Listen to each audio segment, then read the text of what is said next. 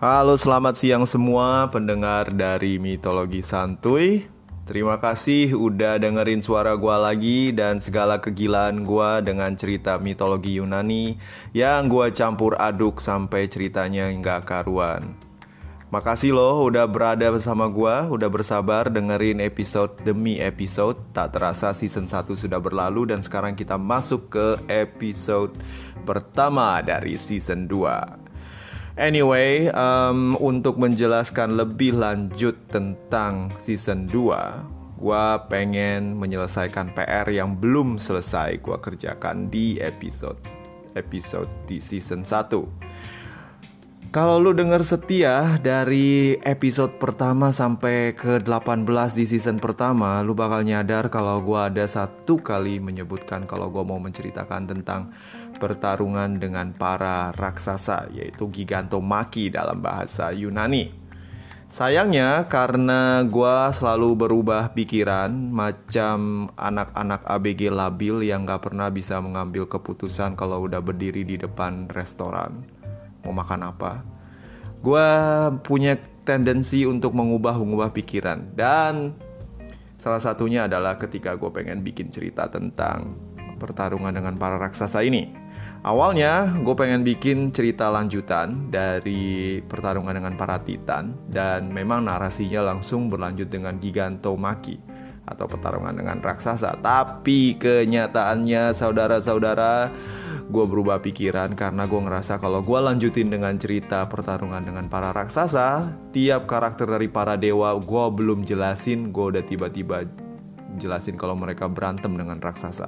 Tentu buat pendengar yang paling baru yang belum biasa dengar dengan uh, mitologi Yunani atau belum pernah dengar sama sekali bakal kebingungan. Lah ini Hera siapa, ini Zeus siapa dan Hermes ini siapa dan seterusnya. So, gue pikir akan lebih baik kalau gue menjelaskan tiap karakter dari para Olympians dan baru lanjut dengan narasi. Gak terasa karena jumlah dewa, dewa, dewi dan di yang di Olympus ini banyak. Akhirnya gue sampai ke episode 18. Dan gue janji untuk menyelesaikan PR dan kali ini gue bakal menjalani season 2 episode pertama dengan cerita pertarungan dengan para raksasa or Class of the Giants or Gigantomaki or pertarungan dengan badan-badan gede berantakan. Gue ngomong apaan sih? Nah, ya udahlah, mari kita dengarkan.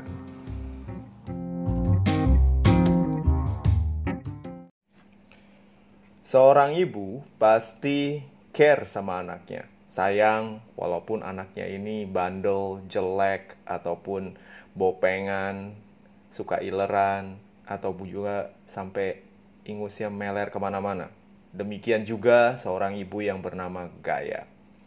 Gaya yang kita kenal sebagai simbolisme dari bumi atau yang memang masuk ke dalam kosakata bahasa Inggris dikenal dengan nama Mother Earth. Ini sedikit galau ketika menyadari cucunya Zeus pasca pertarungan dengan para titan memperlakukan para anak-anaknya yaitu para titan anak-anak dari uh, Gaia dengan uh, Uranus diperlakukan dengan cara yang tidak selazimnya oleh Zeus, yaitu dengan sangat zalim. Para titan ini dihukum dan kebanyakan dari mereka malah dimasukkan ke dalam Tartarus, lubang neraka yang tak berakhir dan juga penuh dengan siksaan, azab, dan sengsara. Gaya yang merasa sedih dan juga marah kepada cucunya sendiri yaitu Zeus berusaha melakukan suatu perlawanan. Dia menganggap kalau Zeus sudah bertindak tidak adil kepada anak-anaknya dan dia ingin mengadakan suatu pembalasan dendam. Seorang ibu yang sudah marah dan penuh dengan emosi dan dendam yang membara ini kemudian melakukan suatu tindakan yang cukup luar biasa. Bagaimana?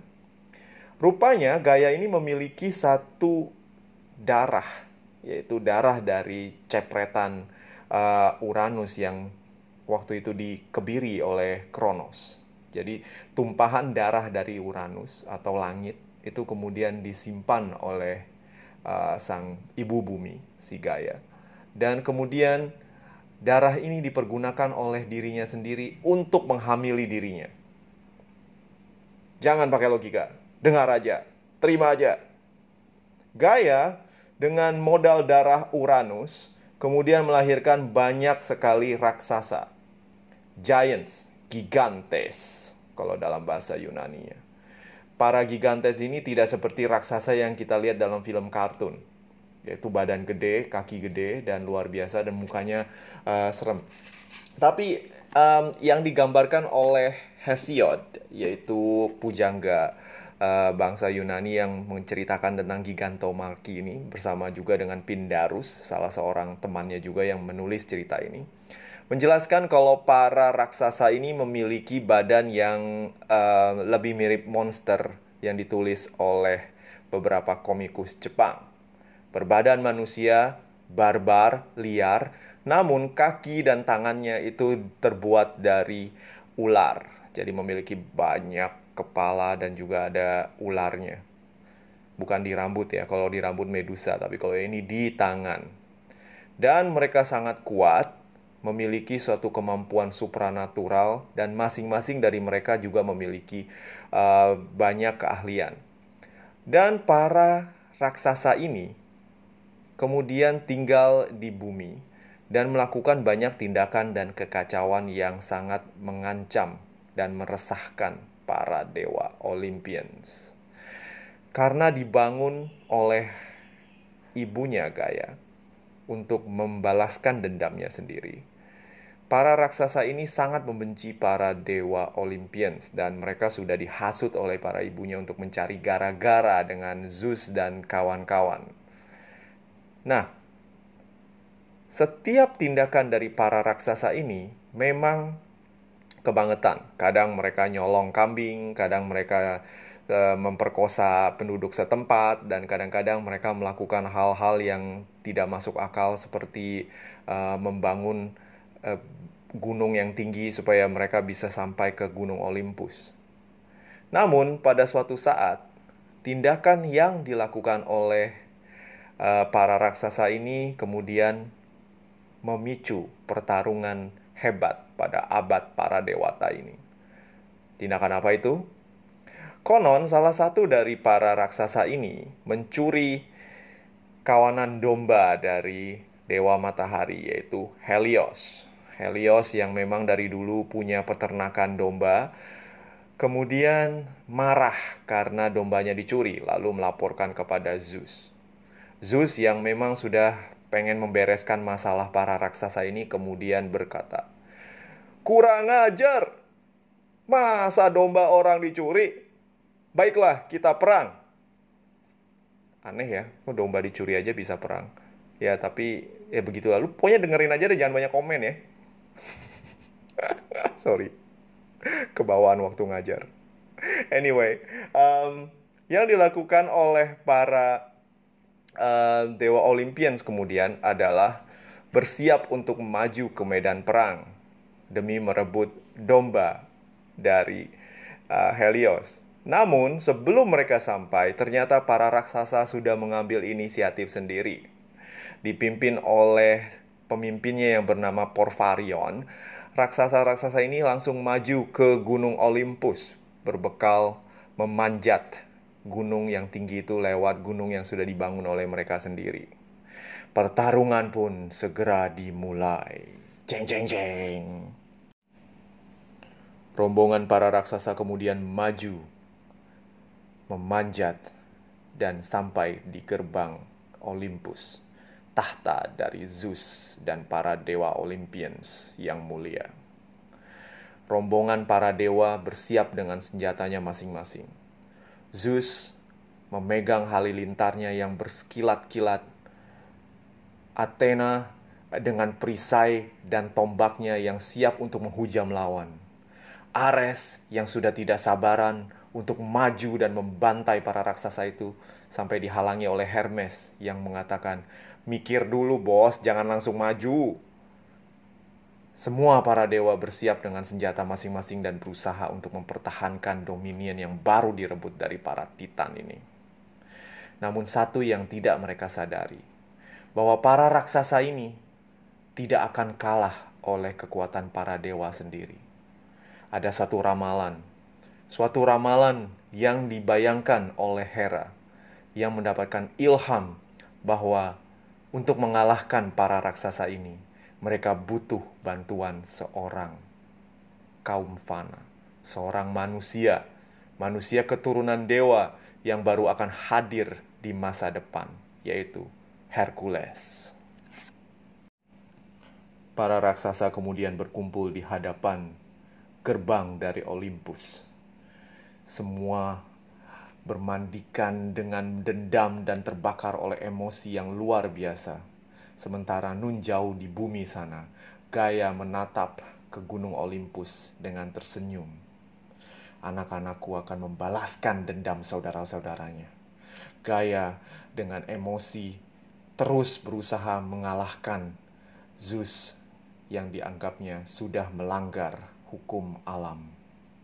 Sementara para Olympians siap untuk melawan para raksasa. Zeus yang percaya diri dengan kilat yang dibuat oleh para Cyclops bersiap memegang guntur terbesarnya yang berkilat-kilat. Lalu Athena dengan segenap kekuatannya memegang perisai Aegis dan tombak yang siap untuk dihujamkan ke lawan. Artemis dengan busurnya Apollo dengan tubuhnya yang bersinar bagaikan mentari dan juga busur panahnya yang berapi-api, siap untuk menembus kepala dari para raksasa tersebut. Namun, para Olympians lupa akan satu hal yang paling penting. Ada satu ramalan. Ramalan dalam mitologi Yunani biasanya adalah ramalan yang 100% akurat Ramalan ini berkata bahwa para raksasa dari gaya ini tidak akan mudah dikalahkan tanpa bantuan dari manusia. Seorang manusia keturunan dewa yang baru ada di masa depan dan bukan masa kini. Gaya yang berada di bawah sana tersenyum dengan liciknya. Dia sadar bahwa pertarungan ini berat sebelah, bahwa para raksasa akan memenangkan pertarungan ini dan tidak mungkin para Olympians bisa mengalahkan para raksasa yang tidak akan dibunuh, tidak akan mampu dibunuh oleh kekuatan para dewa sendiri. Yang pertama kali menyadari akan ramalan ini adalah Hera. Terjadi pergolakan dalam batin Hera. Hera tahu kalau dirinya harus menyampaikan ramalan ini kepada Zeus. Namun, hal yang tidak ingin dia sampaikan yang menjadi konflik batinnya adalah Hercules adalah buah dari hasil perselingkuhan Zeus dengan seorang wanita manusia di masa depan. Antara kesal tak berdaya, akhirnya Hera memutuskan untuk menyampaikan apa yang sebenarnya terjadi dengan ramalan tersebut. Hera mengatakan kepada Zeus bahwa raksasa-raksasa ini tidak akan dikalahkan, tidak akan sanggup dikalahkan oleh kekuatan para dewa sendiri, melainkan harus dengan dukungan seorang manusia fana, keturunan dari Zeus yang gagah perkasa, seorang kesatria yang sanggup untuk mengalahkan begitu banyak monster dan juga bermandikan darah musuhnya. Nama dari kesatria tersebut adalah Hercules. Hercules belum lahir di zaman ini, karena di zaman ini masih belum ada manusia. Lalu, yang dilakukan oleh Zeus saat itu adalah memarahi Hera. Kenapa lu baru bilang sekarang Hera? Ya elah musuh udah pada di depan kita sekarang Kita gimana bisa menang kalau lu baru bilang sekarang Ah sudahlah Oke Athena pinjam itu alatnya dokter Strange atau Ant-Man atau apa itu, pakai mesin waktu, pergi ke masa depan, culik Hercules dan ajak dia berantem bareng kita di sini. Athena yang kebingungan karena Zeus tiba-tiba ngomong sesuatu yang tidak masuk akal. Namun karena dia cerdas, oh gitu maksudnya, baiklah. Karena Ant-Man dan juga uh, apa itu namanya? Ah, aku lupa. Sorry. Karena mesin waktu Ant-Man yang diciptakan itu belum ada juga, maka dia pinjam Doraemon. Dante Athena pergi ke masa depan dengan bantuan mesin waktu Doraemon dan menculik Hercules yang kali itu waktu sedang tidur siang. Bagi Hercules, dia menganggap kalau dia sedang bermimpi. Dia pergi ke abad masa lalu, di mana dia bertarung dengan para dewa. Sesampainya di Olympus, Hercules pun sadar kalau dia sedang mengalami mimpi yang begitu nyata. Sadar kalau Zeus sudah main curang dengan mensamen Hercules dari masa depan, Gaia berusaha melakukan taktik berikutnya, yaitu menjadikan para raksasanya itu hidup abadi. Ada satu tumbuhan di bumi yang memiliki satu kemampuan untuk menjadikan para makhluk yang memakannya menjadi abadi Gaya yang sebagai seorang ibu bumi kemudian memanifestasikan dirinya sebagai seorang pencari tumbuhan dan berusaha mencari tumbuhan tersebut.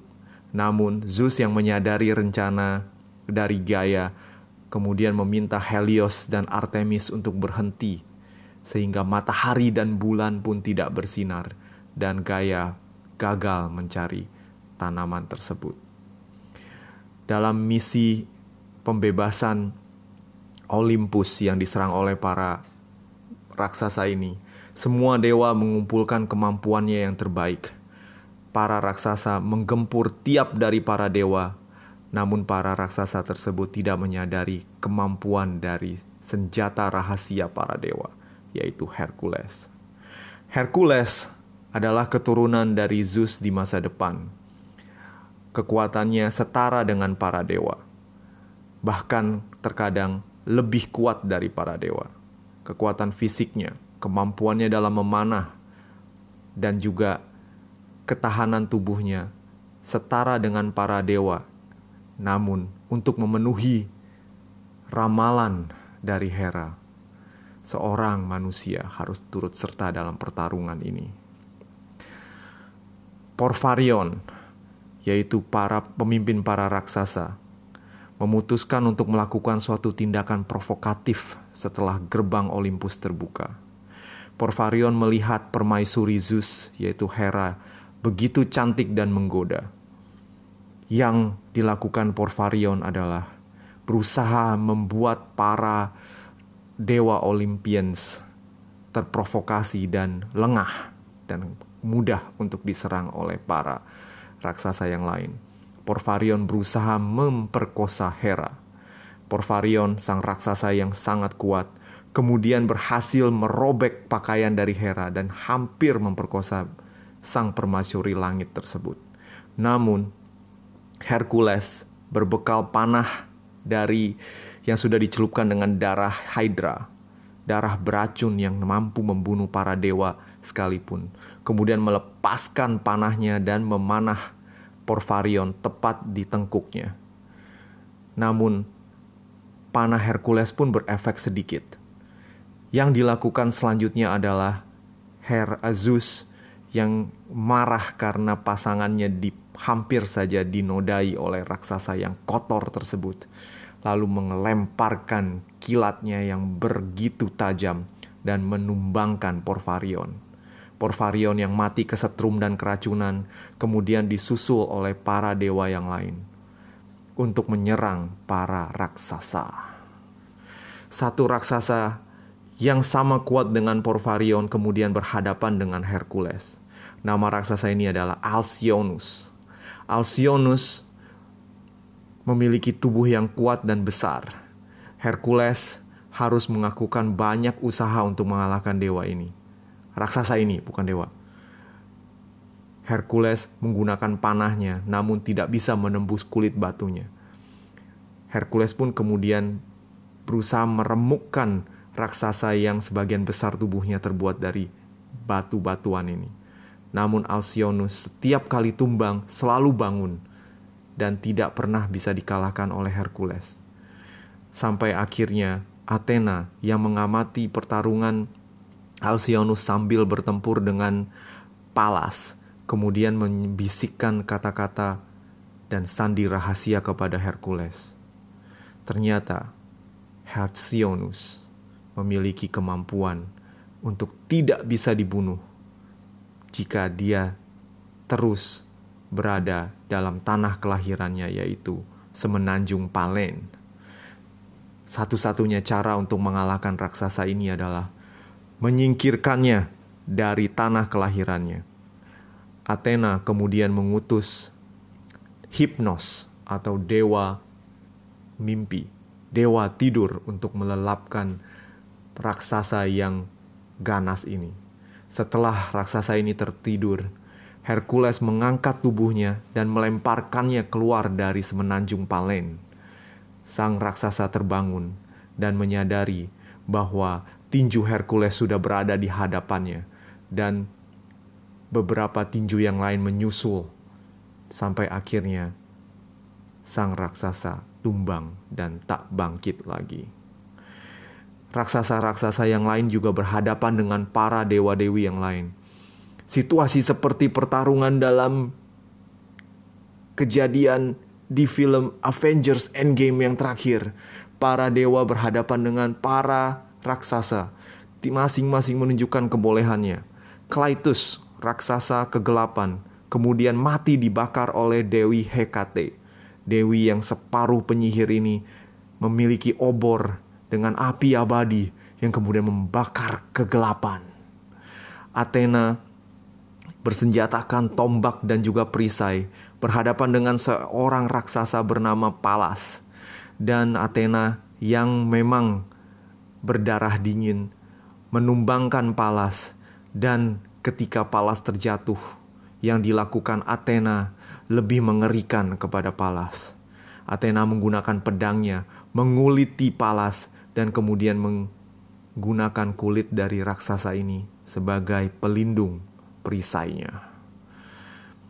Dionysus, sang dewa anggur, bersama rombongan binatang-binatang liarnya datang Keledainya yang berteriak bagaikan kambing hendak dipotong pada saat Idul Adha membuat para raksasa kepusingan, berisik, dan saat itu juga Dionysus menyerang dengan tongkat Tirsusnya.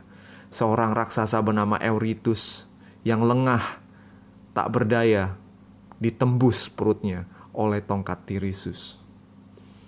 Seorang raksasa bernama Mimas dibantai oleh Hephaestus, dewa jelek, penghuni perapian dan logam besi, yang sadis ini kemudian membekap Mimas dan memaksanya untuk menelan logam cair dari bengkelnya. Enceladus, raksasa yang juga bersenjatakan pedang, beradu pedang dengan Athena. Namun sang dewi perang yang sudah memiliki kemampuan luar biasa secara skill dan power lalu mengalahkan Enceladus. Namun Enceladus tidak mudah dikalahkan begitu saja. Athena kemudian mengubur Enceladus dengan gunung dan sekarang Enceladus masih hidup di bawah pulau Sisilia di Italia. Konon setiap kali terjadi gempa bumi di Pulau Sisili, penduduk setempat berkata, Enceladus tengah bergerak dan mungkin dia akan bebas. Pertarungan di sisi lautan yang lain cukup sengit. Poseidon bertarung imbang dengan Polybotes. Namun, Poseidon menampilkan sisi garangnya yang luar biasa bagaikan seorang pro wrestling. Pro wrestling. Pro wrestling. Poseidon kemudian mematahkan satu ujung dari pulau Kos dan kemudian menimpa Polybotes. Polybotes bocor kepalanya dihajar oleh sekeping pulau yang dulu pernah gue pergi dengan istri gue.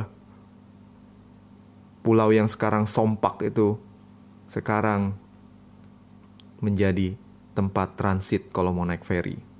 Kok gue ngomong apaan sih? Gue lagi cerita juga. Oke, okay, um, Polybotes hajar, dihajar oleh Poseidon sampai tak sanggup lagi muncul dari permukaan laut. Sementara itu Hermes yang diberkati dengan kemampuan berlari begitu cepat bagaikan The Flash meminjam topi dari Hades. Topi yang mampu membuat para pemakainya untuk tidak kelihatan ini kemudian membuat Hermes bergerak secepat kilat membunuh lawan dengan tongkatnya, dan satu korbannya adalah Hippolytus yang mati tanpa sadar dan bingung. Tiba-tiba mati aja. Selanjutnya, salah satu raksasa yang lain adalah Gratión, tewas ditembus oleh panah rembulan dari Artemis yang sambil memanah berseru, dengan kekuatan bulan akan menghukummu. Gue nyolong ya, ya udahlah. Nah, selanjutnya Apollo bekerja sama dengan Herakles menaklukkan raksasa terakhir yang bernama Ephialtes. Ephialtes adalah raksasa yang memiliki kemampuan untuk membutakan serangan lawan.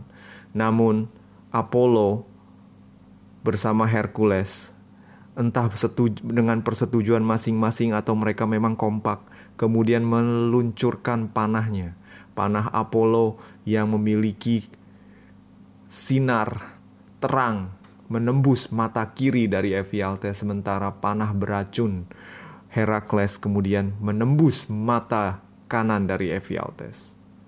Ephialtes, sang raksasa, jatuh tak berdaya.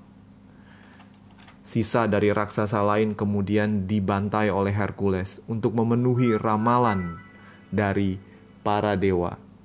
Kalau kekuatan manusia fana bersama para dewa akan mengalahkan para raksasa. Dan pertarungan pun berakhir. Raksasa-raksasa tersebut tumbang dan yang selamat dihukum oleh Zeus, dimasukkan lagi ke dalam Tartarus, neraka jahanam. Gaya memohon kepada Zeus untuk memaafkan para raksasa tersebut. Namun Zeus tidak mau dan Zeus menganggap pemberontakan para raksasa ini harus diselesaikan sampai tuntas para raksasa yang masih hidup kini menjadi penghuni neraka jahanam. Gaya yang kecewa terus memendam kemarahan dan bersembunyi dalam perut bumi, menunggu kesempatan selanjutnya. Lalu Hercules yang telah menunaikan tugasnya dikirim kembali oleh Athena ke masa depan dan sesampainya di masa depan, Athena membuat Hercules tertidur. Dan ketika terbangun, Hercules menyangka kalau dirinya baru saja bermimpi. Namun yang dirasakan olehnya begitu nyata sampai dia mengira kalau impinya adalah kenyataan. Tampaknya segala sesuatu sudah tenang. Para dewa Olympus duduk di tahtanya masing-masing, berpesta, menikmati anggur yang diberikan oleh Dionysus. Nektar ambrosia tersedia. Tampaknya abad kejayaan para dewa sudah dimulai. Atau tidak. Jauh di perut bumi, Gaia menyimpan dendam dan berusaha untuk menyiapkan strategi selanjutnya untuk menentang kekuasaan para dewa Olympus yang zalim. Ceng ceng ceng bersambung. Ho ho ho ho ho.